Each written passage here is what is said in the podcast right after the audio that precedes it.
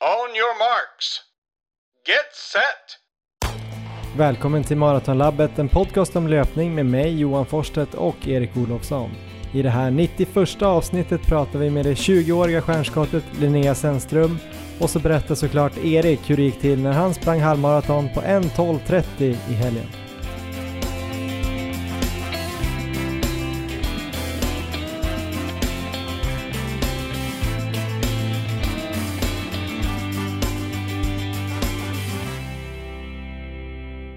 Ja, varmt välkomna ska ni alltså vara till avsnitt 91 av Maratonlabbet med mig Johan Forsstedt och dig Erik Olofsson. Hur är läget? Det är bra idag med Johan. Det har varit eh, en bra period måste jag säga på slutet. Har det någonsin varit dåligt med dig? Ja, men det har det definitivt varit.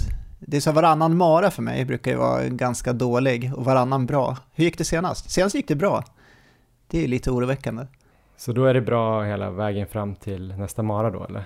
Ja, jag tror det. Jag får se hur det går på loppet. Men, äh, men det har rullat på fint här faktiskt. Ja, vi kommer komma in lite mer på det alldeles strax, men vi tänkte också bara först berätta vad vi har i det här avsnittet och vi kommer ju prata med Linnea Sennström som är en av Sveriges mest lovande löpare just nu, tycker vi. Och sen kommer vi också snacka upp eh, London Marathon eh, här i slutet som ju avgörs på söndag. Men först då Erik Olofsson, du är ju också lovande, en av Sveriges mest lovande 40-åringar på löpning. Tack Johan! Du gjorde en fantastisk prestation här i lördags när du sprang halvmaraton på nytt personligt rekord, 1.12.30. Har du några kommentarer till det? Ja, vilka fina ord. Ja, men det, det var kul att springa halvmaraton måste jag säga. Lagom långt? Ja, det är det. Man slipper den där, den där sista milen på maran, så det är ju skönt. Även om sista milen på halvmaran inte heller är så härlig. Men jag var lite osäker på formen där när jag kom in till loppet, så det var ändå, det kändes härligt att det liksom ändå gick ganska mycket efter planen. Vi hade ju diskuterat lite på förhand, du och jag, hur, vad vi trodde att eh, jag skulle kunna springa på, och du hade en ganska bra gissning där. Ja, jag eh, sa väl att eh, för att eh, du verkligen ska kunna springa maraton under 2.30 så borde du kanske göra under 1.12 eh, men sen var ju ditt pers på 1.13.25 va? Ja, precis. Så då tänkte jag så här, ja men eh, du är lite bättre nu än vad du var där i Anderstorp och det var ju blåsigt så tänkte jag under 1.13 så trodde jag att du skulle springa i Alphafly också så då drog jag till med att jag tror en 12.30 borde vara rimligt. Ja, och det blev det. Exakt. Så, så det var på sekunden. Och 1.12.30 då, om vi slår det på Jack Daniels sån här löpkalkylator så blir det 2.31.43. Så att eh, går man på det så känns det som att det, det, är nära. Det är nästan som man liksom kan ta på det, men eh, mm. det ska ju göras också. Men om jag drar min, eh, min period här då sen senast så har jag haft eh, egentligen tre kvalitetspass om man då räknar in halvmaran som ett av passen. Och det mm. första passet jag körde, då körde jag 6 plus 5 plus 4 plus 3 plus 2 plus 1 i marafart med en kilometer flytvila. Och eh, som jag har gjort nu på slutet så lägger jag ju alla mina sådana här pass på den kommande maratonbanan, vilket också var den banan då som vi sprang halvmaran på här i helgen. Eh, och det här marafartspasset eh, gick bra, det var slitigt. Det var rejält tufft måste jag säga. Det blev 21 km totalt i marafart. Ehm, så eh, det genomförde jag då på en fredag och eh, det, ja, jag höll farten ganska bra hela vägen och kunde väl den sista korta intervallen också öka lite. Så att det slutade väl med ett snitt på exakt 3.33 där jag skulle ligga. Det var verkligen på gränsen vad jag klarade, men ändå ett positivt besked. Så efter det så var det helvila sen på helgen, så lördag och söndag sprang jag ingenting för då hade jag Leon och eh, umgicks med honom istället. Och på måndagen så körde jag lite distans, eller jag hade dubbla distanspass då. Och sen på tisdagen när jag hade då kört tre lugna dagar så eh, hade jag ett av mina mer viktiga pass skulle jag säga inför maran. Det var ett av de här passen som jag pratade om i förra avsnittet som jag byggt upp till då och det var alltså att köra jojo i 20 kilometer. Och mm. där skulle jag då försöka växla mellan 3.28 fart och 3.38 fart var tanken, så alltså 5 sekunder under marafart och 5 sekunder över marafart. Så en kilometer i varje fart helt enkelt. Ja, precis. Och varva det i 20 kilometer. Mm. Ja. Hur gick det då? Det gick eh, ganska bra skulle jag säga. Jag kände mig fortfarande rätt sliten i benen efter det här marafartspasset jag hade haft innan. Eh, det positiva på det passet var att pulsen ändå var relativt låg. Jag var nog aldrig riktigt uppe i tröskel, kanske på slutet. Ehm, Kunde, så pulsen var låg, men benen var, jag hade inte det här trycket riktigt. Så att jag lyckades inte riktigt komma ner i de farterna jag ville. Så att istället för 3.28 i snitt blev det 3.30 på de snabba och istället för 3.38 blev det 3.41. Men jag körde hela passet på 20 km. Så att det var, efteråt var jag så här lite besviken att jag inte lyckades eh, sätta det här passet till slut som jag hade tänkt, men det var ändå så pass nära.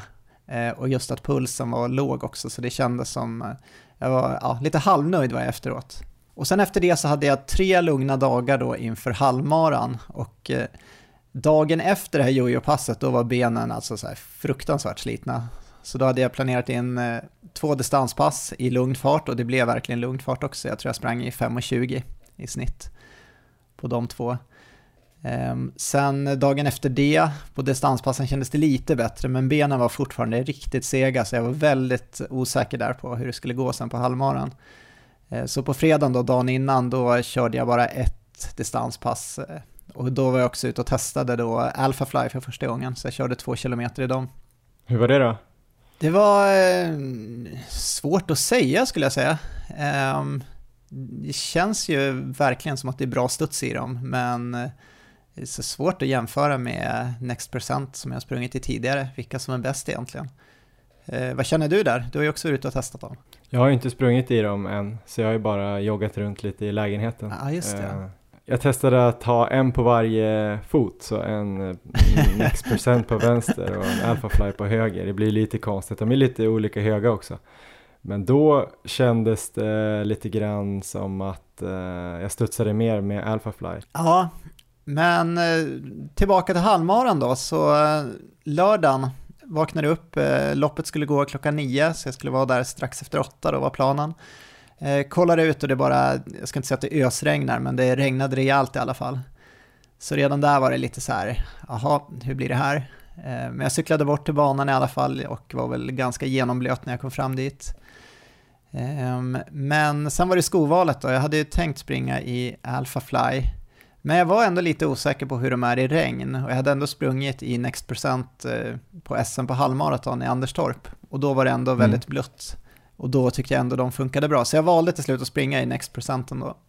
Pratade med lite folk där innan start eh, för att se om det var någon som skulle ligga ungefär i min fart. Jag hade tänkt då att eh, sikta på 3.25 i snitt, vilket väl skulle landa någonstans där på en, en 12 och en halv helt enkelt det var där jag hoppades egentligen på förhand kunna springa någonstans på en 12, men jag visste inte riktigt liksom vart, vart det skulle bli. Ehm, så Jocke Thelin hade ungefär samma målsättning där på förhand så att vi bestämde väl där på förhand att vi skulle försöka hjälpas åt helt enkelt och dra lite, dra lite tillsammans där. Vad var det annars för eh, kvalitet på det här loppet? Var det alla möjliga farter eller var det lite mer elit eller elitmotionärsstuk som det har varit tidigare på de här loppen? Nej, men det här var nog alla farter skulle jag säga, så det var nog eh, snabbast sprang väl Johan Fagerberg, jag tror han sprang på 1.07. Eh, mm. Andreas McConville var väl strax därefter också. Och sen så var det väl några som var strax under två timmar också. Och eh, regnade gjorde det i början, för jag kommer ihåg när vi sprungit en kilometer ungefär, då var det totalt ösregn. Det var öste ner, så då funderar man verkligen hur det här, hur ska det här liksom ens gå att springa i? Ehm, jag låg där tillsammans med Jocke så att vi hittade ett ganska bra eh, tempo direkt, låg och snittade 3.25 ganska stabilt där de första kilometrarna. Eh, regnet avtog sen så att eh, banan var ju väldigt blöt hela loppet men jag ska inte klaga för mycket på vädret för temperaturen var perfekt, det var kanske 14 grader och det var nästan vindstilla. Vi ska ju springa fem varv då på den här banan som är drygt 4 kilometer och eh, pulsen var, precis som på det här jojo-passet jag körde, så var pulsen låg igen. Eh, vilket jag ser som otroligt positivt, för det är ju det som jag haft problem med förut när jag springer maraton, att det är ofta det som jag har känt har begränsat mig, att jag har hamnat alldeles för högt i puls tidigt. Men nu så kunde jag ändå ligga där strax över 160, eh, min tröskelpuls är väl på 170. Mm. Um, och det kändes bra. Vi, jag och Jocke hjälptes åt där uh, under de första två varven. Och sen på det tredje varvet så kände jag väl att jag fick dra en hel del själv och uh, han släppte där någonstans uh, på det tredje varvet också lite grann. Så därifrån och in i mål sen så sprang jag själv. Eh, men det var inte så konstigt heller, för det är ju det, är det jag har gjort sista veckorna, springa på den, precis den där banan helt själv och eh, bara matat på. Så, eh, Ehm, det kändes ändå bra, jag tog en gel där på tredje varvet efter ungefär 10 km och lite vatten. Eh, annars tog jag ingen, ingen mer energi eller dryck under loppet. Och eh, sen så eh, halvvägs så var jag väl ändå uppe i tröskelpuls och då var jag väl uppe i 170. Men då tänkte jag att ja, ligger det kvar ungefär här så kan det nog ändå gå ganska bra. Och jag tycker ändå resten av loppet sen att jag höll i det helt okej. Okay. Det var väl sista kilometrarna där kanske vid 17, 18, 19 ungefär som om jag då hade legat i stabilt på 3.25 så kanske jag hamnade i 3.27, 3.28 då var det riktigt tufft också, men det var ju, jag kunde ändå hålla i det ganska bra och eh, avslutade bra hela vägen in. Pulsen låg stabilt där runt 170-171, eh, vilket ju är, eh, om jag då jämför till exempel när jag sprang eh, SM i Anderstorp, där jag sprang ändå totalt en minut långsammare, så var snittpulsen på den här halvmaran fyra slag under. Eh, okay. Så det är ju känns som ett väldigt positivt formbesked. Och eh, ja, benen kändes bra hela vägen, så jag gick i mål där då på 1.12.30 och eh, positivt lopp måste jag säga. Har du fått eh, höga förväntningar nu inför 18 då? Ja, men det, det har jag ju, fast det känns ju fortfarande som eh, ehm, ett eh, oerhört tufft mål som jag, det känns fortfarande som jag kanske inte riktigt är där. Den här tiden då med kalkylatorn som vi sa ligger ju ändå på närmare 2.32 så att det är ju man får väl hoppas då att det lyckas träffa formtoppningen och eh, sådär. För jag kom ju ändå in till den här halvmaran med eh, ganska slitna ben och hade ju haft en hög volym hela veckan. Det är häftigt att du kan, bara på de här tre dagarna då, som du då säger är lugna dagar när du ändå sprang kanske då 5-6 mil eller något med dubbelpass onsdag, torsdag, ett pass fredag, då kan hämta upp och springa vad blev snittet nu då? 1.12.30? Var det 3.26, 27 eller? Ja, jag tror det kanske är 3.25. Jag tror det är 3.24 på klockan, men jag tror det blev 3.25 till slut. Och du hade svårt på tisdagen där att springa 20 kilometer i 3.35 fick du slita även om du jojade där och kanske ja. inte helt optimalt. Så det är ändå häftigt att uh, du fick till det för jag hade förstått det på ett vanligt lopp så att säga med lite mer ännu mer formtoppning och eh, folk runt omkring och tjo och kim och sådär. Här är det ju lite grann, jag antar att det bara var liksom att, som du sa, att du var ute och sprang typ som på träning. Ja, jag måste ändå ge mycket cred här till eh, dels eh, Kalle Svensson då, som arrangerade. Det var väldigt, väldigt välordnat i de här tiderna och även de funktionärer då som var ute eh, längs vägen och kollade på övergångsställen. Det var väldigt bra hejarop på många ställen när man sprang förbi, så det var ju betydligt roligare än ett vanligt träningspass måste jag säga. Mm. Drog du några specifika lärdomar av loppet? Positiva eller negativa eller vad man ska säga? Ja, till att börja med, eh, alla som ska springa MLM maraton så eh, kan man ju verkligen se att det finns möjligheter att springa snabbt på den här banan. Eh, det är ju nästan helt platt och det är inga skarpa kurvor och jag tror det var halva startfältet slog väl pers på den här halvmaran. Så alla ni som tränar för MLM, det kommer finnas möjligheter att springa snabbt där. Ja men det låter ju jävligt bra ändå Erik, för om det är någonting jag kommer behöva den 14 november då är det en väldigt, väldigt snabb och platt bana utan eh, svängar. För Ja, jag vet inte, du har ju fått lite mess av mig. Jag har ju varit lite bekymrad här eh, på sista tiden här nu. Det gick ju jättebra med min maratonträning första tre passen och sen gick det inte så bra förra fredagen här. Eh, har du varit orolig där? Um, I ehm. Uppsala när du har läst vad jag har skrivit? Ja, men lite grann sådär. Det känns som att det har varit någon liten mental svacka har jag läst av det som. Och den kommer lite tidigt kan jag känna i den här specifika perioden. Den, den ska väl komma, men inte så här efter två veckor eller tre veckor. Ja, jag blev lite överraskad eh, själv faktiskt, men jag gick på en liten smäll här. Eh, Jag kan väl dra igenom det lite snabbt här vad jag har gjort sedan senaste avsnittet och det är inte så mycket för att jag måste redovisa vad jag har gjort eh, för min egen del, utan jag tror att det kanske finns någon lärdom, eller en eller två här för andra som också ska springa MLM eller um, maraton senare i, i, sin karriär. Grejen var att jag sprang ju först 3 gånger 4 kilometer, det var mitt första marafartspass. Eh, ganska lätt öppning egentligen, nästan ett halvmarapass. Eh, det gjorde jag nog kanske precis innan vi eh, la ut förra avsnittet. Då sprang jag väl det på ja, 3.57, 3.55 och 3.50. Så lätt progressivt, full kontroll. Kändes superbra. Ja, det Ehm, låter som en bra start tycker jag på den specifika perioden. Ja, det var ju väldigt smart.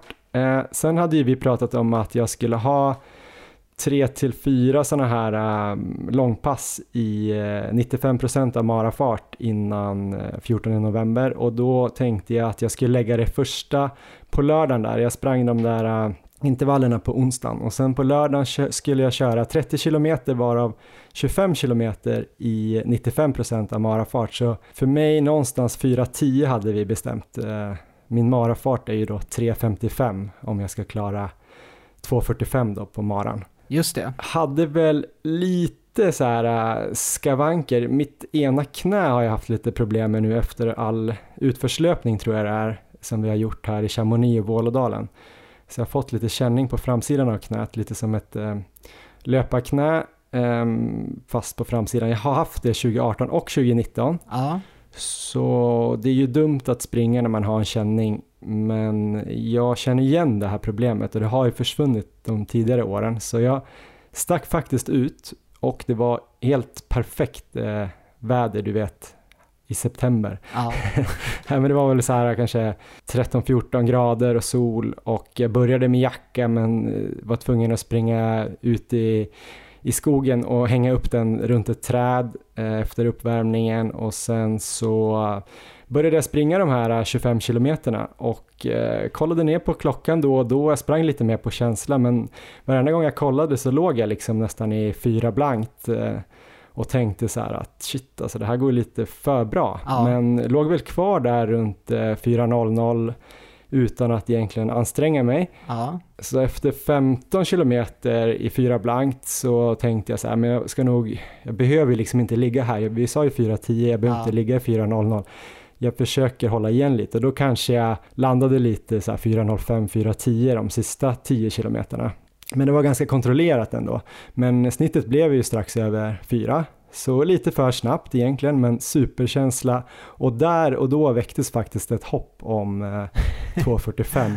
Jag tror att det är första gången på hela säsongen jag har känt att det faktiskt skulle möjligtvis kunna vara möjligt om, om allting klaffar liksom. ja. Så det var mycket bra. Det låter jättebra det här. Vilken start. Ja, ja jättebra start. Fortsätter ganska bra. Jag vilade två dagar, eller två lugna dagar. Sen på tisdagen la jag nästa marafartspass och det var ju tanken att köra 5 gånger 3 kilometer. Så en lätt progression då från veckan innan där jag körde 3 gånger 4 alltså Ja. 12 kilometer totalt, så skulle jag köra 15 kilometer totalt i 3.55 med en kilometer flytvila. Ja, du vet eh, hur vi brukar göra det där. Ja, Eh, ser då på Anders Salkais Instagram eh, att han hade kört ett pass, en stege, ungefär som du hade kört den här stegen som du pratade om tidigare. Men jag körde, jag började på 5 kilometer och sen gick jag ner 4, 3, 2, 1 kilometer med en kilometers flytvila. Kollade på hans tider faktiskt och tänkte så här, ja men det där skulle jag nog kunna matcha. Inte för att jag på något sätt eh, håller på att jämföra mig med Anders Salkai, men det var bara ett inspirerande pass. Eh, tänkte ju också att 5 gånger 3 var lite för lätt för mig i 3.55. Jag tror att det, de här första två passen steg mig lite åt huvudet, ja. ärligt talat. Typ något sånt. Sprang med eh, en kompis, Johan Forsman. Ehm, började i rätt fart, liksom 3.57, men eh, vi hade väl snackat om att köra lite progressivt. Kanske från marafart ner till eh, ja, max tröskelfart då, Ja. kanske halvmarafart.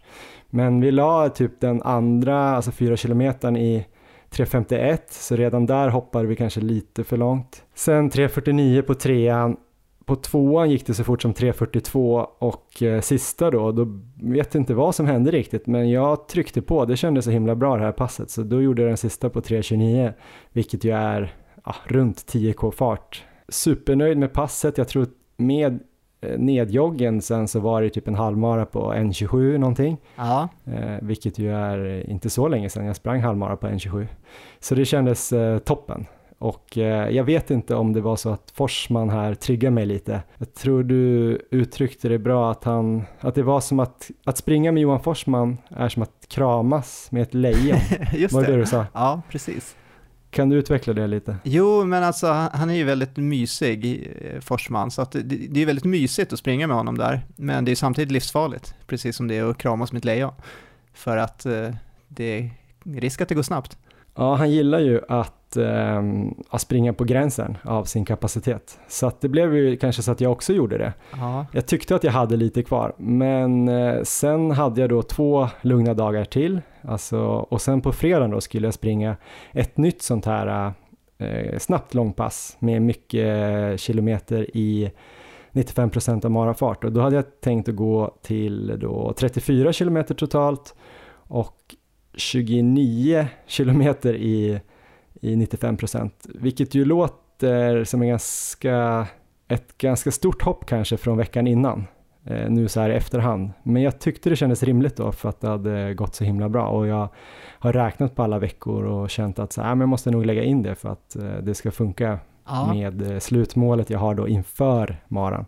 Och slutmålet där kan vi ju nämna också, det är alltså att försöka springa 35 kilometer då i 95% av marafart. Ja, precis. Jag tror vi kanske sa 34 till och med. Ja, Så att jag har en kilometer lättare där än vad jag kanske borde. Men eh, så då tänkte jag, jag måste lägga upp det eh, ganska snabbt nu för jag har inte så många sådana här pass. Men eh, jag kände väl redan kvällen innan att jag var lite så här trött i benen. Jag var och jobbade med en fotbollsmatch som vi höll på och filmade och stod ganska mycket och kände att jag hade lite så här, vet, lite värk i benen nästan. ja, det borde ju varit en varningsklocka. Och sen, eh, ja, kanske inte åt så bra på kvällen där efter den matchen och inte heller på morgonen, inte så mycket. Stack ut, hade med mig energi. Eh, så det kändes ändå som att jag hade hyfsat koll på det. Det var också en jättebra dag. Och, men kände direkt så här att det var någonting i kroppen, att benen inte alls... Eh, jag fick inget gratis helt enkelt. ja. Så mm, ja, började springa fram och tillbaks längs Årstaviken för att jag tyckte att det var den lättaste stället att springa på.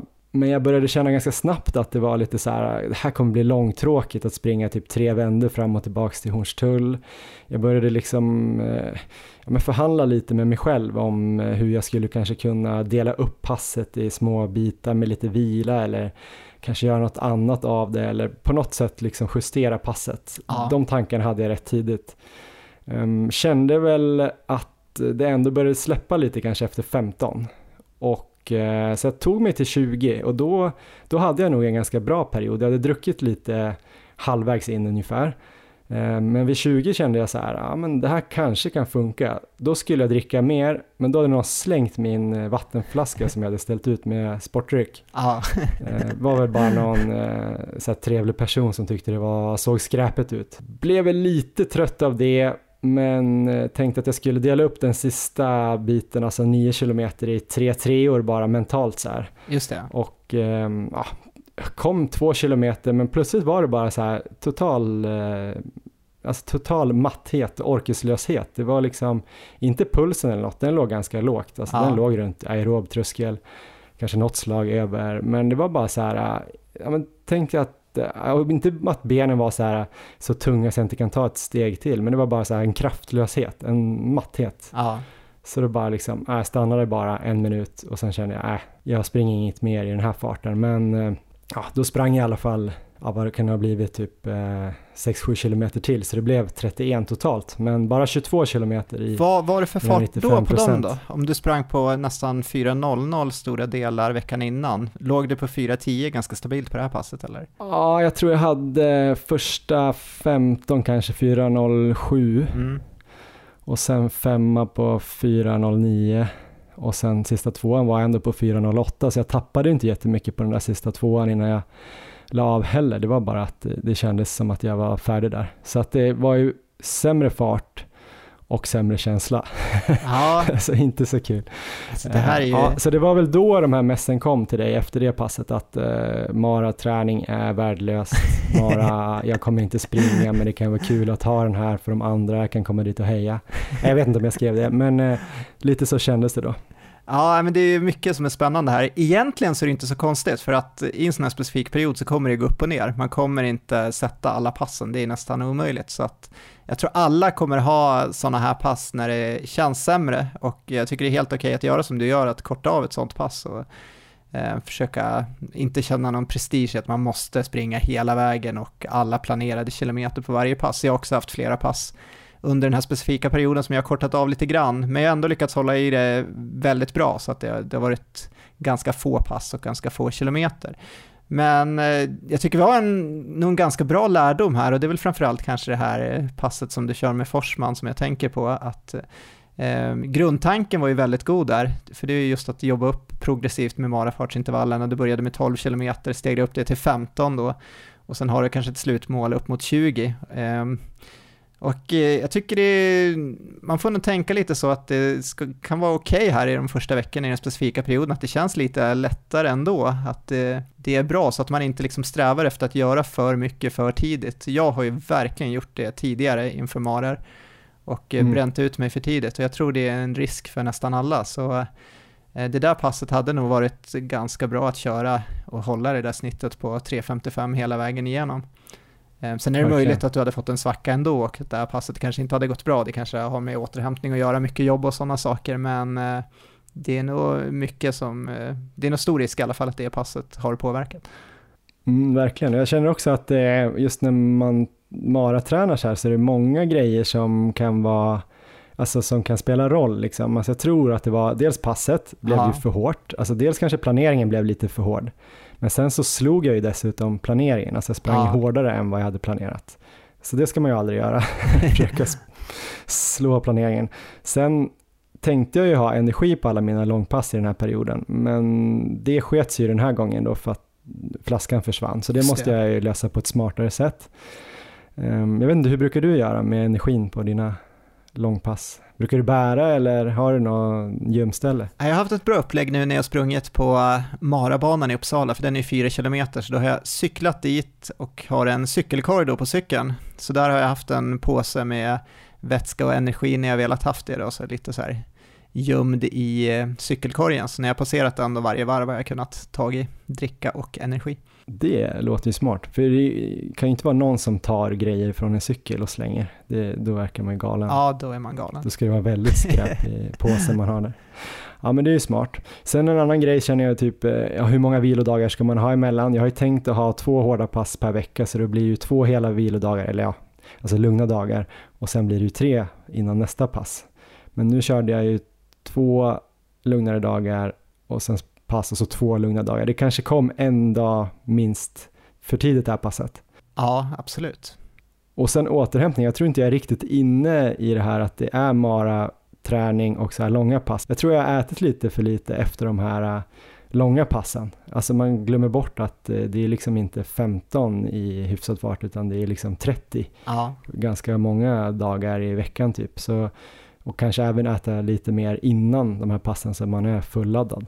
Det tror jag är och jätteviktigt. Och så sömn då såklart. Sen är det ju svårt det där som du var inne på också, att eh, Mara perioden ska ju vara slitsam och man ska ju vara lite seg kanske, eller man kan tillåta sig att vara det lite grann, men sen är det ju en tunn linje när man har liksom gått för långt ner, man måste ju komma upp också så att säga i form. Man kan ju inte bara bryta ner sig, så där är det svårt att säga när man ska backa och sådär. Men eh, man får väl lära sig lite hela tiden. Ja, men sikta på en progression så gott det går hela vägen igenom perioden där. Så att om nu perioden är då kanske nio veckor, så därefter sju veckor ungefär så ska man väl försöka köra de hårdaste passen och jobbat upp till dem och sen någon slags mm. formtoppning mm. på slutet. Um, men uh, det här kommer du nu att studsa tillbaka från Johan, det tror jag. Jag tycker ändå du har börjat bra och uh, ja, nu har du haft en mentala svacka här så nu kommer det bara bli, kommer det bara bli kul, positivt och ja. roligt resten av vägen. Vi har ju ett eh, samarbete med Löplabbet också Erik. Det har vi.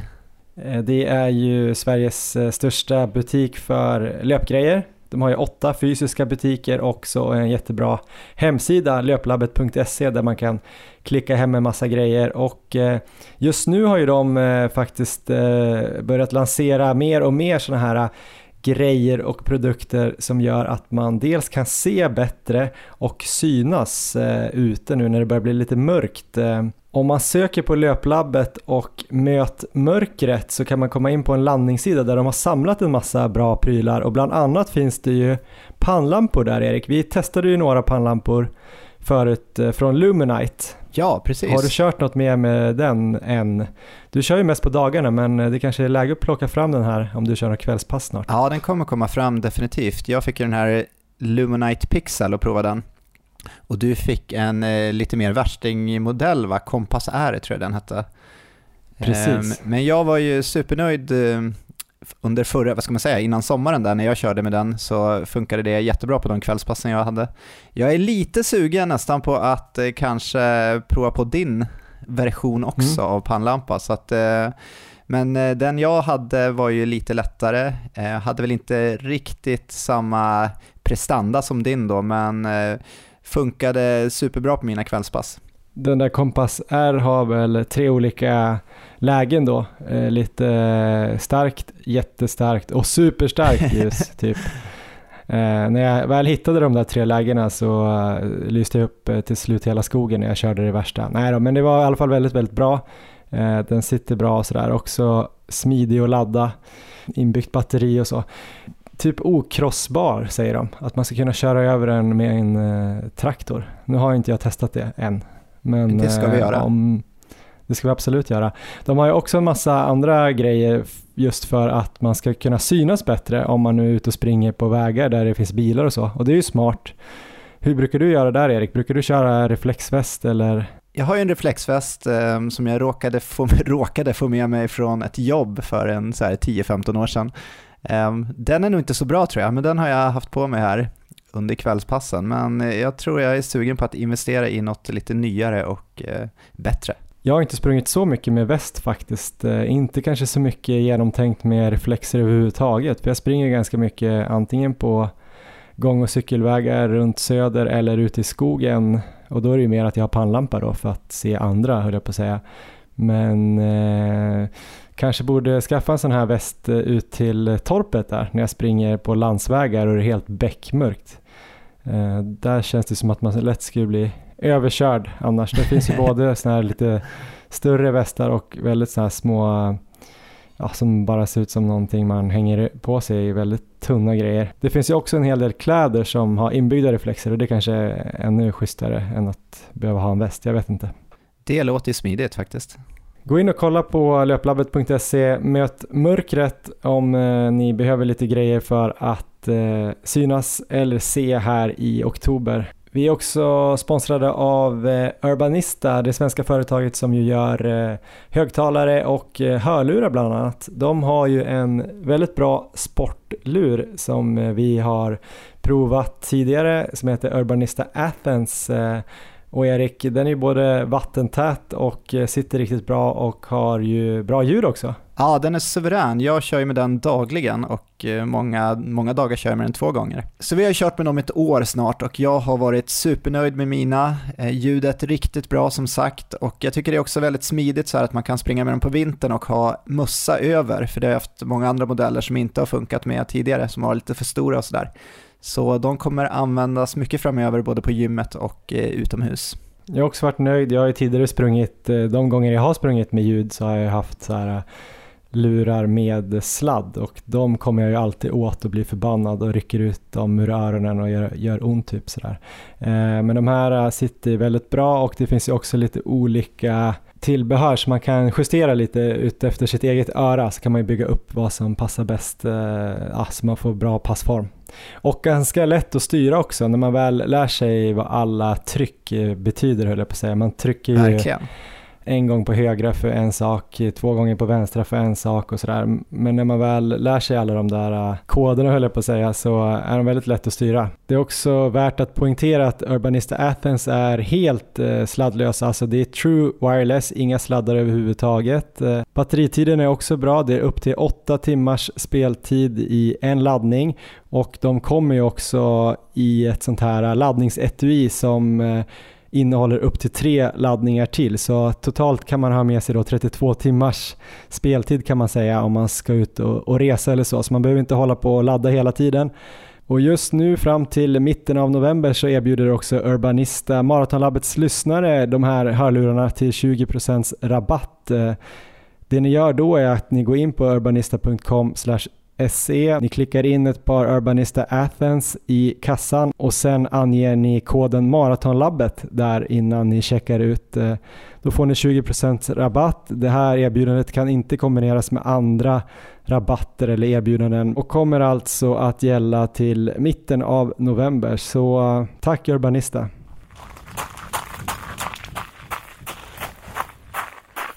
Nu ska vi till veckans intervju Erik. Eh, Linnea Sennström, eh, hade du hört talas om henne innan april 2020? Det hade jag inte gjort. Det var första gången. Inte jag heller. Då dök hon ju upp på den här halvmaran som vi sprang i Uppsala. Eller jag sprang en halvmara och du sprang en mara när du kvalade till SM. Hon sprang riktigt bra där. Det var tror jag hennes första halvmaraton någonsin. Hon sprang typ in eh, på 1.18.33.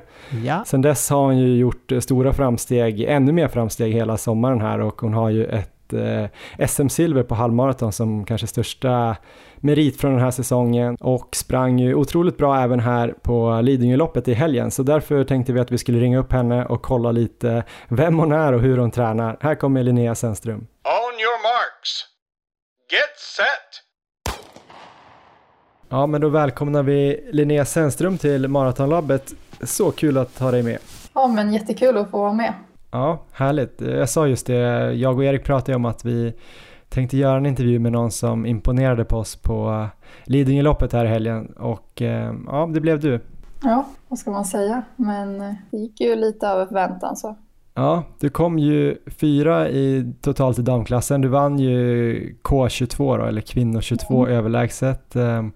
Du slog ju bland annat eh, Hanna Lindholm där. Du hade ju en positiv trend i hela loppet också som var väldigt imponerande. Men berätta lite mer om hur var det här loppet för dig? Jag hade inte så jättehöga förväntningar men eh, jag var väldigt taggad på att köra terräng och istället för bana. Men jag hade inte riktigt tränat för det så jag tänkte bara att ja, men, köra på och inte bränna ut mig för mycket i början. Och sen, eh, ja, när vi sprang iväg då, jag kände ändå att jag hade en bra känsla och jag försökte liksom ja, men slappna av och rulla på nerför och sen inte liksom bränna ut mig i uppförsbackarna. Hade du någon koll på hur banan såg ut eh, innan? Har du varit där och sprungit någon gång? Alltså jag har inte sprungit 15. Eh, jag har sprungit 10 så jag visste ju att grönsta backen kom där. Och sen hörde jag att folk hade sagt att 15 var ganska platt, men det tycker jag inte. Eh, den, var, den var rätt kuperad.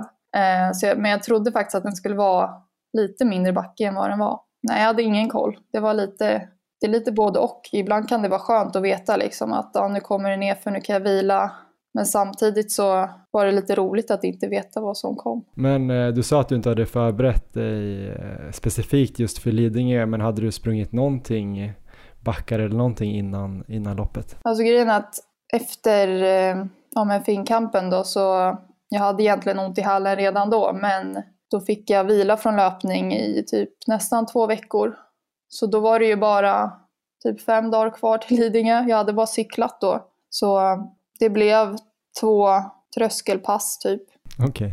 Och någon, några typ två distanser och sen, ja. Det var därför jag inte hade så höga förväntningar. Just det. Eh, jag var bara jätteglad att jag faktiskt inte hade ont i hälen och kunde springa. Vad tänkte du där då när du började se Hanna Lindholms rygg då? Ja, alltså jag funderade nästan på om jag hade gått ut för hårt i alla fall. Men det var ju väldigt motiverande. Alltså att springa med så duktiga tjejer och sen liksom inse att man ändå ja, men är i närheten av dem. Ja, du har ju tagit en del eh, skalper den här säsongen om man får säga så och många är ju faktiskt eh, Ja, några är till och med dubbelt så gamla som du och eh, mm. några är väl i alla fall Jag tror Charlotta Fogberg är väl 15 år äldre och Meraf Bata kanske 10 år äldre eller sådär. Mm. Um, du är 20 år, tävlar för Hässelby. Jag vet faktiskt inte så mycket mer än heller, men hur länge har du tränat löpning? Alltså, jag har aldrig liksom kört fridrott, utan jag körde jag spelade fotboll, satsade på det ganska mycket, körde lite innebandy, men när jag var 15 så slutade jag med det och så började köra mer löpning liksom, bara. Eh, och då var jag också, hade jag också gått med i Hässelby ganska nyligen. Det var inget jag kom på sådär att jag skulle gå med i Hässelby utan det var mer ja, men någon som kontaktade eftersom jag inte sprang för någon klubb. Jag sprang bara liksom typ Lilla Tjejmilen, ja Tjejmilen och liksom Lilla Midnattsloppet och sådana sådana tävlingar för skoj. Sen så var det väl ja, men Hässelby som, ja, jag gick med där och så började köra med löpning, tyckte det var roligare. Men var du alltid talang alltså på löpning när du spelade fotboll och sådär? Kände du att det var liksom ja. din styrka? Jo, faktiskt. Det var alltid när vi körde liksom löpträning på fotbollen och så, då var det alltid liksom, ja men Linnea, det, hon kan man inte jämföra sig med. Och ja, nej men jag gillade ju att springa liksom. Så jag tyckte inte om träningarna där man mest stod och snacka taktik eller ja, men passade och övade skott och sådär utan det skulle vara lite, man ville känna ändå att man hade tränat. Mm, fattar. Men när du började Hässelby då fram till ja, kanske förra säsongen, hur såg liksom utvecklingen ut då ungefär? Eh, alltså jag stod nog ganska still ja. ungefär sedan jag var 15 känns det som. För att när jag var 15 så sprang jag ja, men Tjejmilen tror jag det var på typ strax över 40 Mm. Och sen så hände det inte så mycket typ fram till för ungefär ett år sedan tycker jag. Jag låg, sprang under 39 någon gång och sådär men det har stått ganska still eh, fram tills typ för ett år sedan ungefär. Det vi har märkt har mm. varit eh, framförallt den här säsongen, alla har haft en så här konstig coronasäsong ja. har ju du haft en, eh, en mm. supersäsong. Mm. Förutom det här på Lidingö har du tagit SM-silver på halvmaraton. Du har mm. debuterat i landslaget på Finnkampen och så har ju mm. kommit tre också på Salomon 27K där uppe i, ja. i fjällen bland annat och så har du väl persat typ på alla distanser tänker jag. Jo, det har jag faktiskt. Vad är då förklaringen till den här utvecklingen det här senaste året? Ja, men det var väl som du säger kanske nu det här året då som det har släppt. Men det var redan förra hösten så kände jag att då gjorde jag ett millopp på strax över 37 tror jag, höstrusket. Mm. Och det var ju liksom, jag var överlycklig över det eh, äntligen liksom. Men sen, sen i februari i alla fall, i år då, så har jag ändå, jag har inte haft några skador i princip sen ja, till september nu då. Mm. Så då har jag ändå kommit upp i en bra mängd som jag aldrig har legat på förut. Förut kanske jag körde så här fem mil och tyckte det var mycket i veckan. Mm. Och nu har jag ändå haft bra kontinuitet och kunnat, jag tror ändå att jag har snittat ja, men 10 mil kanske sedan april. Okej. Okay. Eh, vilket jag aldrig har gjort förut. När började du gå upp i volym då? Du sa ju att du sprang bra redan där höstrusket. Ja, det var väl där i februari. Ja, men när jag sprang höstrusket där, då var jag fortfarande i en skadeperiod, så jag vet inte. Mm. Körde typ bara crosstrainer. och lite löpning, så jag vet inte varför det gick bra. Men sen hade jag någon dipp där igen över jul, men sen när jag kom igång där i februari, slutet januari, februari så stegrade jag väl och så rullade det på bara. Men sen har jag också fått en, en tränare, riktigt bra tränare som engagerar sig och liksom hjälper mig med träningen och så. Mm. Hur har det sett ut då när ni började gå upp i volym? Hur la ni upp det där från februari och framåt ungefär? Alltså vi körde ju mycket distans liksom. Det var inga slitiga, hårda maxintervaller utan det var mer försöka bygga volym. Ja. Och jag tror att jag, att jag behöver rätt mycket mängd och att jag, ja, men jag får ganska bra, att jag reagerar rätt bra, svarar ganska bra på mängd. Så vi började väl med det då och sen så gick vi över till liksom, ja, men mer tröskelträning och tröskelintervaller och sådär. Eh, jag tror dock att vi stegrade ganska snabbt ändå. Mm. Från liksom någon mil eller inget till sju i alla fall tror jag ganska, ganska snabbt. Men eh, jag kände ju liksom ingenting någonstans så det var ju bara köra på. Men hur ser en typisk träningsvecka, om det finns en typisk träningsvecka, ut för dig då? Ja, alltså det är ju lite olika men eh, i somras när man hade bra med tid och sådär och det flöt på. Jag hade väl kanske två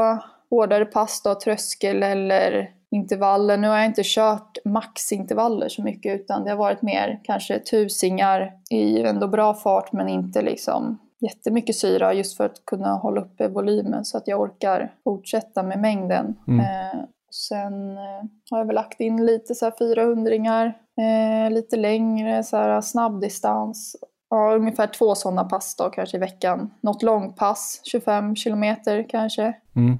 Och sen distans och lite styrka på det. När du kör tröskel då, hur mycket volym brukar det vara på ett sånt pass? Mm, alltså det, jag har inte kört dubbelpass direkt någon enstaka gång utan jag har kört långa pass. Alltså jag har säkert kommit upp i två mil ungefär på mina tröskelpass. Just det.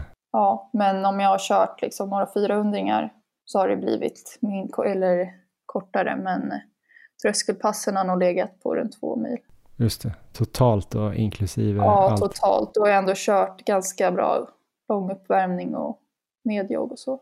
Styrka då? Vad kör du där? Mm, jag har mest kört eh, ja, men hemma liksom med höftlyft och bål och sånt där. Lite simpla saker. Mm. Eh, inga direkta skivstångsövningar, lite, nej, inga tunga saker. Men lite på gym och sådär, men inget avancerat. Planen där är väl att vi ska lägga in lite sånt nu i framtiden, men vi har inte hunnit det. Nej, jag förstår. Och 400 då, vad är det för farter då? Är det liksom Ja, alltså snabba 400 eller är det liksom många 400 med kort vila som tröskel eller? det är ju inga, det är inte speciellt snabbt faktiskt. Eh, det har väl legat runt kanske max kanske 70, eller 78-80 sekunder kanske. Just det. Eh, 12 stycken. Eh, jag vet inte, jag är inte så snabb så att jag, för mig känns 78 sekunder som maxfart ungefär. Mm. Så det är väl något jag behöver jobba på. Men å andra sidan verkar du ju väldigt uthållig skulle jag säga. Mm. Känslan är att du presterar bättre ju längre det är, även om du har liksom sprungit bra på allt från 10 000 meter till ja, den här fjällmaran eller halvmaran 27 kilometer. Var tror du du har din bästa distans? Ja, alltså jag har ju alltid haft lättare för längre liksom. Ja, jag tror ju faktiskt på att jag, jag kan nog bli bäst. Alltså för mig så, jag passar nog ganska bra för ja, men halvmaraton just nu i alla fall. Sen kanske maraton. Borde vara så i alla fall. Kan jag tänka mig. Och sen så tycker jag att det är ganska, jag gillar ändå att köra långa distanspass liksom. Mm. Eh, och att inte samla för mycket mjölksyra. Eh, tycker jag att eh, om man jämför ett 5000 meters lopp med typ Lidingös 15 så är ju, jag gillar ju mer liksom, ja men Lidingös 15 då. 5000 det är så himla, ja, jag vet inte. Jag gillar liksom längre sträckor. Men blir det liksom en halvmarasatsning nu framöver och sen bygga upp mot maraton eller när tror du att du är redo för att börja Mm. springa maraton? Alltså jag skulle ju faktiskt vilja prova ett maraton nästa år men det är inget jag kommer satsa så på redan nästa år tror jag. Men jag skulle tycka det var jättespännande att prova. Bara se hur det känns liksom. Men jag tror inte, jag kommer inte lägga upp träningen så specifikt för maraton redan nästa år. Nej. Det kanske är lite för snabb stegring känns det som. Men det lockar ändå tycker jag. Mm. Men hur tänker ni då inför, kanske först och främst då nästa år, eh, nu ska du få ordning på hälen då ordentligt, men eh, vad blir liksom nästa steg? Kommer ni fortsätta öka volymen?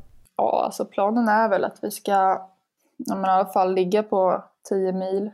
Eh, vi har inte hunnit snacka så jättemycket men sen så har ju inte jag kört så mycket stenhårda intervallpass utan kört mer tröskel och så. Eh, just för att det är rätt stor skaderisk att köra för hårt liksom. Mm. Eh, Så det kanske blir lite mer inslag av det då. då. Lite hårdare intervaller. Eh, Och sen ja, men kanske lite mer styrka då och behålla mängden. Förhoppningsvis kanske jag kan köra ännu lite mer. Mm. Och hur tänker du liksom kring löpningen för framtiden? Nu hörde jag att du precis har flyttat till Uppsala och börjat plugga till läkare. Är det liksom löpningen också något du vill satsa på? Eh, Ja, absolut. Det, det är ju väldigt, det är ju väldigt viktigt för mig och något jag verkligen tycker om. Så det är inget jag vill släppa i första taget. Men eh, ja, jag hoppas att det går att kombinera bra. Liksom. Eh, Det har ju som sagt funkat förut, har jag hört, med Carolina. Då. Ja, vi pratade lite om Carolina Wikström här innan vi började spela in. Eh, hon har det ju gått ganska bra för. Mm, det kan man ju säga, så får vi hoppas att det går lika bra för mig då. Ja, du får slå en signal till henne om det börjar köra ihop sig. Och så ja. får du prata med Erik då om eh, roliga löprundor i Uppsala. Ja. Han har ju i alla fall ja. två stycken han vet om. Ja, det får jag absolut göra. Ja, men jättekul att höra lite mer. Eh, så hoppas jag att vi också kan mötas på något fler lopp. Vi har ju sprungit mot varandra ganska många gånger i år ja. känns det som. Ja, På någon faktiskt. konstig anledning. Det, det var ju kul. Nej, men tusen tack och lycka till. Ja, men tack så mycket.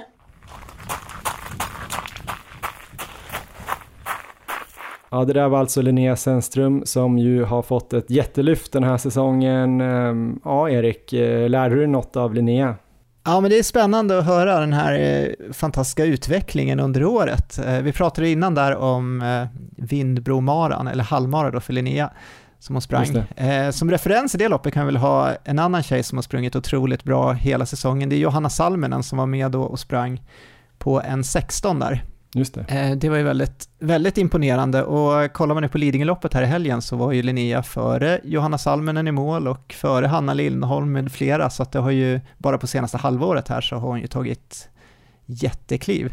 Och det här, jag såg ju på plats det här eh, SM-loppet på halvmaran där på Anderstorps racingbana, för jag hade ju sprungit själv och sen så hängde jag kvar och kollade på det. Ehm, och det loppet var ju alltså helt fruktansvärt blåsigt. Så att alla försökte liksom söka skydd där bakom och i damloppet så vart det ju en klunga där på en sex stycken längst fram. Och Linnea gjorde i princip nästan allt jobb där och drog den här klungan hela vägen. Så att sen att liksom hålla till silver där, ganska klar andra plats också och bara slagen av Charlotta Fogberg var ju otroligt starkt. Och dessutom ett nytt pers då på halvmaran. Eh, en 17 låga sprang hon väl på ja. på SM där. Och så det var en och en halv minut bara jämfört med i april där hon också då hade haft eh, fantastisk draghjälp nästan hela, hela loppet. Ja. I och för sig lika blåsigt, om inte ännu blåsigare, men ändå. Där finns det säkerligen mycket att kapa också. Ja, men trä, träningen också, det, det, låter ju som att eh, de gör mycket rätt och hon är ju inne på det här som, eh, det hör man ju väldigt ofta när det är någon som tar de här stora kliven som Linnea har gjort, det är just att hon har fått den här kontinuiteten som har gjort att hon har kunnat ta de här stegen. Så att, eh, jag hoppas att de kommer fortsätta att liksom fokusera på det framöver nu, för nu har hon ju haft lite känningar då, som det låter här på slutet. Och nu kommer det ju säsongsvila, eh, så det är ett bra läge så här, att läka ihop kroppen och sen kanske stegra upp volymen långsamt. Mm. Och sen så hoppas jag att de inte lägger in så mycket av det här som hon själv pratade lite om med hårda intervaller då, som hon inte har kört så mycket.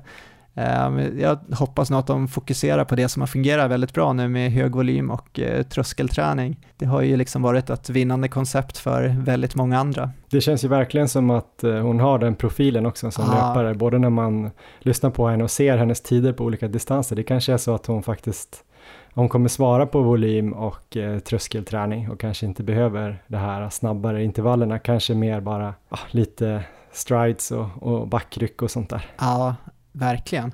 Men jag var inne och stalkade den här på Strava, um, för mm. jag tänkte på det här tröskelpasset de pratade om, 20 km. Um, och här på morgonen idag så var han faktiskt ute och körde ett, precis ett sådant pass här i Uppsala. Och då var själva tröskeldelen då var 10 km, så han körde 4 gånger 2 km plus eh, 2 gånger 1 km. Och då låg det i 3.30 till 3.35 fart, så att jag gissar att det då är tröskelfart för Linnea. Um, och det är ju, alltså fixar man ett sånt hårt pass ändå och eh, så mycket tröskel i samma pass, då känns det också som att dubbeltröskel borde vara ett ganska in, intressant koncept. Um, kunna få in lite mer volym då i tröskelfart på ett lite mer skonsamt sätt. Så det, det borde ju vara en tanke att prova framöver. Mm. Hon har ju precis flyttat till Uppsala och eh, ska ju plugga till läkare, det låter ganska bekant där. Jag har ju pratat med Carolina Wikström några gånger. Vinnande koncept. Hon har ju precis gjort den grejen. Eh, en annan grej, Carolina har ju, har ju tränat med dig en del och jag har faktiskt lovat nu Linnea att du ska visa några några rundor där i Uppsala. I och för sig sa jag ju att du, du har ju bara två runder som du kan. Du har distansrundan och så har du den här ja. MLM-marabanan då. Jag får, att, jag får eh, visa dem helt enkelt. Alltså hon är taggad, du kan kanske vara lite hennes mentor där borta och, och hennes tränares högra hand och hålla lite koll på dubbeltrösklarna. Ja, just det. Ja, men det vore, det vore jättekul, så det ska vi försöka styra ihop här. Men jag, jag förstår att hon är sugen på att springa maraton. Jag tror hon skulle kunna springa fruktansvärt bra på maraton om hon liksom får en bra specifik period innan.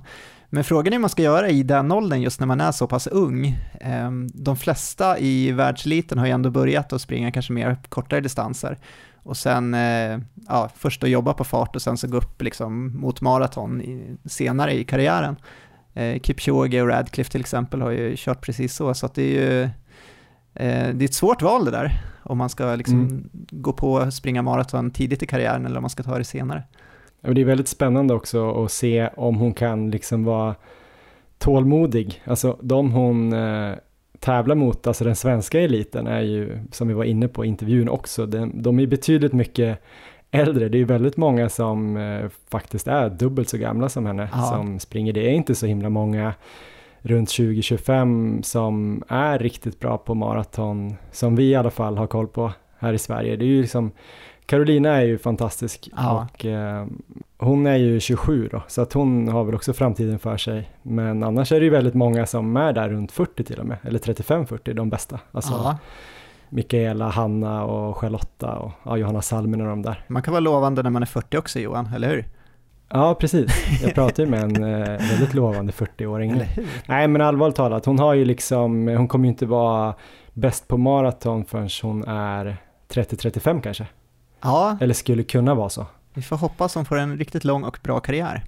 Ja, några som har bevisat att man kan vara väldigt bra på maraton högt upp i åldrarna, det är ju Eliud Kipchoge och Kenenisa Bekele. De är väl runt 40 båda två.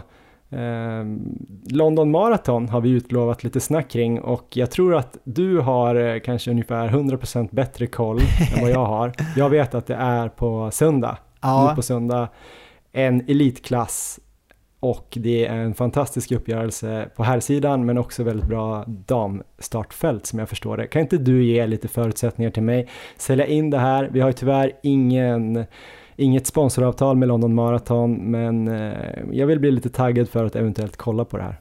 Ja, men det ska jag göra. Jag är väldigt taggad själv. Så att eh, vi kör helt enkelt. Det är alltså nu den 4 oktober då som loppet går. Det skulle egentligen ha gått i april då och eh, dragplåstret är ju precis som du nämnde här, duellen mellan Kipchoge och Bekele som äntligen blir av. Så eh, två dagar efter vi släpper avsnittet så kommer det bli alltså en ren elittävling. Eh, det är startfält både för herrar, damer samt eh, tävling i rullstolsklassen också. Och jag har lyssnat här på en podcast med Race Director Hugh Brasher. Han berättar en hel del om hur de har gått tillväga just för att lyckas få till arrangemanget här då under den pågående pandemin. Och till att börja med så kommer alla deltagare bo i en slags biosäker bubbla. Så det är alltså ett hotell utanför London med ett stort tillhörande utomhusområde. Så att alla kommer ha möjlighet att träna där och alla blir noggrant testade innan avfärd mot England och sedan på plats i London. Eh, det är många så här chartrade plan som de atleterna kommer in med. Och de kommer inte kunna lämna det här området de bor på innan tävling och sen på startdagen så kommer de liksom föras till nästa biosäkra bubbla som då är själva tävlingsbanan. Får jag bara flika in här, är det här någonting du har snackat med Kalle och Mantra om? Alltså kan vi, kan vi ordna en sån här biosäker bubbla i Uppsala-trakten sista veckan innan MLM Marathon? Det Kanske Knivsta eller någonting? Eller Arenahotellet, alla bor där och sen får de springa min distansrunda. Ja, det måste vi kolla upp. Ja, bra idé. Ehm, men vi kan väl börja med att gå igenom lite hur banan kommer se ut där i London och hur snabb den kan tänkas vara. För det kommer mm. ju inte vara den vanliga London maratonbanan, utan här kommer man alltså springa 19 varv på en 2,1 km slinga, så det är alltså en kortare slinga än vad vi har i Uppsala till och med. Man kommer springa runt St. James's Park och sen kommer man avsluta sista biten då på det vanliga upploppet som man brukar ha på London Marathon. Och man kommer springa de här varven eh, clockwise, eh, så lite ovanlig riktning mot vad man brukar springa. Och eh, Hugh Brasher är ju race, race director för London Marathon, men han var även med och jobbade och tog fram banan i Wien, där de sprang den här Ineos eh, N59. Så eh, han har ju verkligen så här koll på vilken bana som är snabbast och sådär. Och han menar att den här banan är snabbare än Londons vanliga maratonbana, men den är inte lika snabb som den i Wien. När de tog fram den då till Ineos eh, N59 så var den här banan med som en kandidat. Eh, men eh, de ansåg ändå att banan i Wien var lite snabbare. Så det är ungefär, ungefär där ligger, ligger vi. Och eh, jag kollar lite på vädret som ser ut att bli bra temperatur, runt 10-11 grader. Men sen så är det ju liksom London, så att risken för regn och vind är ju helt klart överhängande. Men ja, blir det bra väder så kan det nog gå riktigt, riktigt snabbt. Hur vindskyddad är banan? Vet du något om det? Ja, den är inte lika vindskyddad som till exempel där i Wien, för då sprang de ju in som, nästan som en allé, det var ju träd på båda sidor. Här mm. eh, så är det lite mer öppet, det är vissa sträckor som är hyfsat skyddade, men så är det ganska öppet på vissa sträckor. Så uh, ungefär så är situationen där, och de kommer ju inte heller ändra tid som de kunde gjort där i Wien, där de hade ett fönster och uh, eh, kunde ändra då, några dagar innan om vädret skulle se dåligt ut. Den här kör de som planerat och då är det eh, 08, nu ska vi se, 8.15 på morgonen svensk tid startar damerna och 11.15 startar herrarna. Um, är jag ganska säker på. Vill man vara helt säker får man kolla upp det själv då. Så det, det är förutsättningarna um, och vi kan väl gå in lite på startfälten också. Ja, gärna. Då har vi herrarna först som vi börjar med och det är uppmålat då som en duell och då har vi först Eliud Kipchoge som går för sin femte vinst i London. Eh, jag har hört lite intervjuer med honom, han verkar väldigt taggad just för att få den där femte vinsten. Det verkar betyda väldigt mycket för honom. Han har ju världsrekordet redan på 2.01.39 och han sprang ju under två timmar då i Wien förra året. Men det loppet eh, kan ju inte godkännas som officiellt världsrekord och det är ju tre anledningar till det. Det var inte öppet för andra tävlande än just Eliud och där hade han ju farthållare som klev in och klev av. Eh, det kommer ju även vara farthållare i London nu, men då kommer ju de, ja, förutsätter jag, springa så länge de orkar helt enkelt. Så på slutet så... Ja, de måste vara med från början. Ja, på slutet lär det inte vara så många farthållare som är kvar. Och där fick han också, i Wien, då fick han vätska och energi langa till sig via cykel. Så de fördelarna kommer ju inte finnas här. Den andra i den här duellen, det är Kenenisa Bekele då, som eh, sprang två sekunder över världsrekordet i Berlin förra året, så han sprang ju på 2.01.41. Ehm, han blev ju av med världsrekordet på 5000 meter tidigare i år, men han har fortfarande världsrekordet på 10 000 meter, där han har sprungit på 26.17. Men sen finns det även en en rad andra bra etiopier ehm, och de har pers mellan 2.02 och 2.04. Och eh, andra intressanta i loppet är ju från Norge har vi ju Sondre Nordstamoen som vi har pratat en hel del om i den här podden. Hans pers är ju på 2.05.48 så det ska bli väldigt spännande att se, se vad han kan göra. Och eh, en av hararna det är ju Sir Mo Farah så han kommer hara loppet. Har jag förstått det rätt där så kommer han dock hara de brittiska löparna, så jag tror inte han kommer ligga framme där vid Kipchoge, eh, utan lite längre bak helt enkelt. Så ska vi börja här då Johan, jag har ju sagt till dig här att du ska få tippa det här loppet. Så jag tänkte, vi kan helt enkelt gå in så här, vem tror du vinner och vilken tid kommer han springa på? Jag kollade ju lite snabbt här, eh, men jag tror att det finns en duktig som du har nämnt här. Jag tror ändå på eh, Kipchoge. Aha. Jag måste tro på Kipchoge, det känns dumt att säga något annat. Jag tror att Bekele är grym, men jag tror, han, jag tror det känns som att han har ledsnat lite här under corona. Däremot Kipchoge tror jag har hållit i det jäkligt bra. Um, det är min tipp, tippning här. Ja, jag tror ett bra men, tips. Du tror det? Sen tiden där så, lite fram och tillbaks, eh, alltså det är ju då en bana då som kanske är till och med bättre än Berlin, ja. där världsrekordet eh, satts. Han kommer ha skor som är då, vad jag tror är snabbare än de skorna han hade i Berlin, för då hade han väl eh, Vaporfly Next Percent och nu lär han väl ha Alphafly. Ja. Alltså vädret ser jättebra ut temperaturmässigt. Det beror på hur mycket det kommer störa med den här vinden. Alltså regnet som ser ut nu att vara är inte så mycket så jag tror det kommer vara något problem. Däremot ska det regna jättemycket på lördagen, så om det flyttas då till söndagen så, så kan det bli problem. Jag gillar hur mycket du har analyserat där. Ja, sen tror jag det här med alltså corona och, och så, om det är plus eller minus. Jag tror ju att eh, Alltså det har varit väldigt många bra resultat här när tävlingarna har gått igång och jag tror ju många har tjänat på att kunna göra sådana här långa perioder av bra träning där de inte har störts av tävlingar och dragit på sig massa små skador och sånt där. Jag tror det passar Kipchoge faktiskt. Ja. Och jag tror ju inte maratondistansen är en sån distans som man nödvändigtvis måste tävla sig i form på, liksom som det kanske kan vara på, på medeldistans och milen. Man vill göra några lopp innan sådär. Så, och han har ju rätt bra sparring där i, i sin träningsgrupp, så han har ju nog varit eh, och känt på de här farterna. Verkligen. Däremot vet jag inte om han har haft problem. Jag läste någonting om honom att eh, det har varit lite problem att träna i de här stora grupperna som han är van vid. Jag vet inte om han bara skrev det för att, att det har varit eh, olagligt att ha så många folk på samma ställe i, i Kenya. Ja, just det. Eh, eller om det faktiskt har varit så att han har fått springa med avstånd och bara två, tre stycken istället. Men de här sista tre veckorna hade han kört bra typ, läste jag. Eh, jag var inne på att kanske sticka ut hakan och säga att det inte blir världsrekord på Ja, här sidan. Så jag tror att det blir, jag måste nog vara inne på det, 2.02.14 ja, tror okej. jag Kipchoge vinner på. Ja, spännande. Jag eh, tar... Vad tror du? Nej, jag tar samma vinnare. Jag kan inte göra något annat. Jag, till att börja med, jag, såg, jag kommer ihåg jag såg honom 2018 där i London. Och då eh, låg han ju längst fram tillsammans med en eh, kille från Etiopien som heter Kitata. Eh, och då funderar man ändå lite i det loppet så här att ja, men idag kanske är dagen när, när han kommer få stryk. Men då eh, vid två kilometer kvar så passerar de som en eh, vätskestation. Och då är det vätska alltså på båda sidor om vägen, så Kitata ligger på vänster sida, Kipchoge ligger på höger. Och de filmar från sidan, från Kipchoges håll. Så man ser liksom Kipchoge tydligt hur han, eh, ja det är bara det här lugna ansiktsuttrycket, lite meditativa tillståndet. Eh, ser ingenting i löpekonomin, allt är liksom likadant, det bara flyter på. Men så kollar man bort på Kitata som tidigare har sett så här helt eh, ja, helt smidig och fin ut i löptekniken, men han plötsligt liksom spurtar allt han har där på andra sidan och ändå tappar.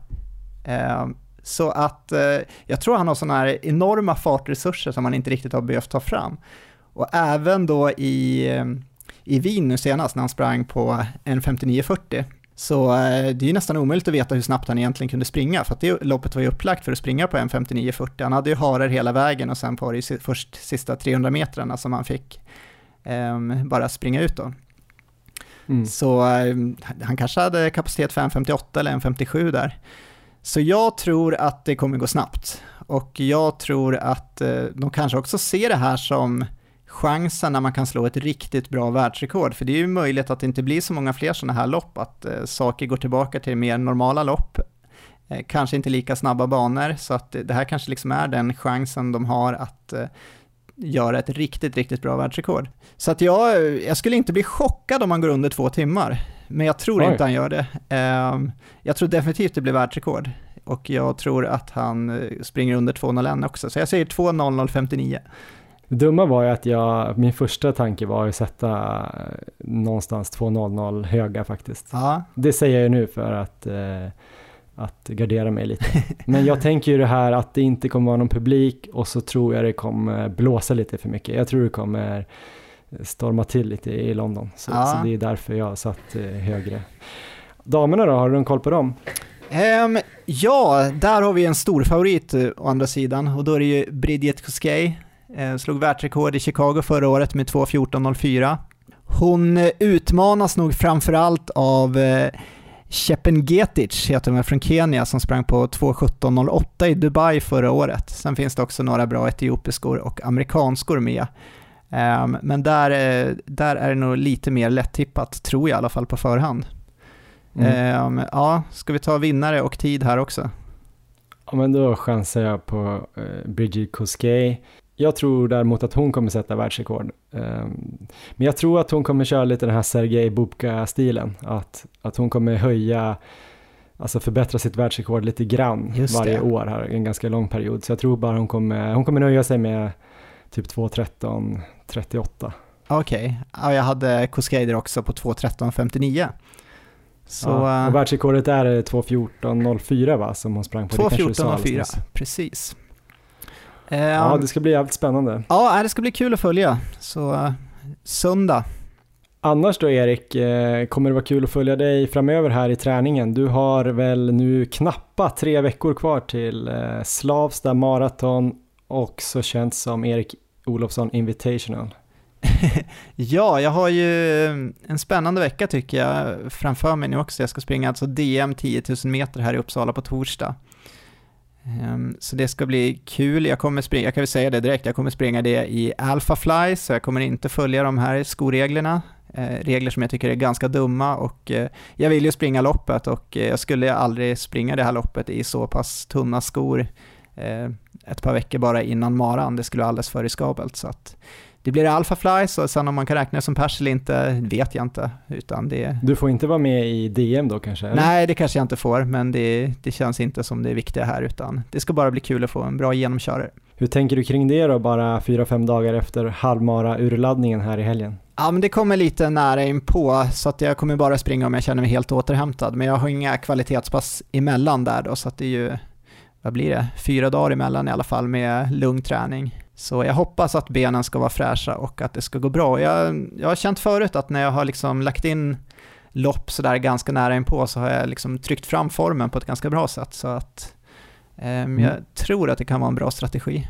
Sen så har jag ett pass på söndag den här veckan, så det är alltså exakt två veckor innan maran. Och då ska jag försöka springa 5 gånger 5 km i marafart. Så det är väl kanske det, ja, ett av de tuffaste passen i alla fall jag har under hela den specifika perioden. Och det blir mitt sista riktigt hårda pass. Så det, det hoppas jag mycket på att jag ska kunna sätta det passet. Ser du fram emot att gå in i de sista två veckorna sen med lite lugnare träning då, kanske lite nedtrappning även om du ska ligga ganska högt den här gången? Ja. Ska det bli skönt? Ja, det ska kanske framförallt bli skönt sen efteråt. Man känner ju verkligen nu att eh, nu har den här maraträningen hållit på länge. Ehm, så att just eh, efteråt ta det lugnt ett tag och sen liksom träna på mer, mer normalt igen ska bli riktigt skönt. Det skulle vara helt omöjligt att hålla på och träna inför maraton hela året. Det, mm. Då ska man vara helt utbränd. Själv då Johan, vad händer nu närmast? Jag vet inte exakt Erik. Jag hade ju tänkt också kanske springa det här 10 000 meter i Uppsala på torsdag, men eftersom eh, det kändes så pass dåligt igår när jag var ute och sprang, eh, i, i, det var måndag igår då, då sprang jag lite i 3.30 fart och det kändes inte alls speciellt kul. Um, så jag skulle vilja springa under 35 då, annars är det ingen mening att åka dit känner jag. Någon timme dit och några timmar där och någon timme hem. Så vi får se lite grann och jag är lite orolig också att det kan vara dödsstöten här att jag får vila lite fler dagar framöver och inte kommer in riktigt bra i den här maraperioden igen. Så att eh, det blir antingen det eller något marafartspass och då blir det väl 4 gånger 4 eller 5 gånger 3 den här gången. Just det. Här på torsdag. Och sen blir det väl ett lite kortare långpass faktiskt i helgen för att om 10 dagar då, alltså den tionde, ska jag springa ett halvmaraton i Bålsta. Så det är jag jävligt taggad på. Eh, så jag kommer väl ja, dra ner lite på träningen ändå för att ändå ha fräscha ben där och eh, få se vad jag kan göra. Jag har ju sagt under 1.16 den här säsongen men ja, du vet, jag börjar känna kanske lite att under 1.17 så skulle jag vara jättenöjd. Och mitt pers är väl 1.17.56 från från i våras där. Så något sånt tror jag att det kommer bli. Så jag hoppas att jag studsar tillbaks. Ja, men det kommer det göra. Då har vi lite spännande pass och lopp framför oss.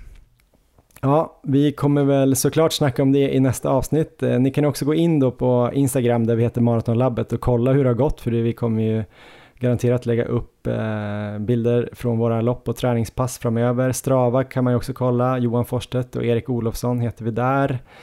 Eh, vi kommer också göra någon typ av eh, grupp antingen på Facebook eller på Strava kring den här MLM Marathon för att skicka ut lite mer information för alla som ska springa där. Vi är runt 90 eh, pers i alla fall som ska kuta.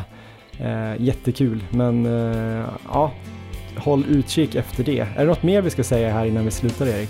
Um, nej, det är det väl inte tror jag. Lycka till med träningen. Tack och lycka till själv.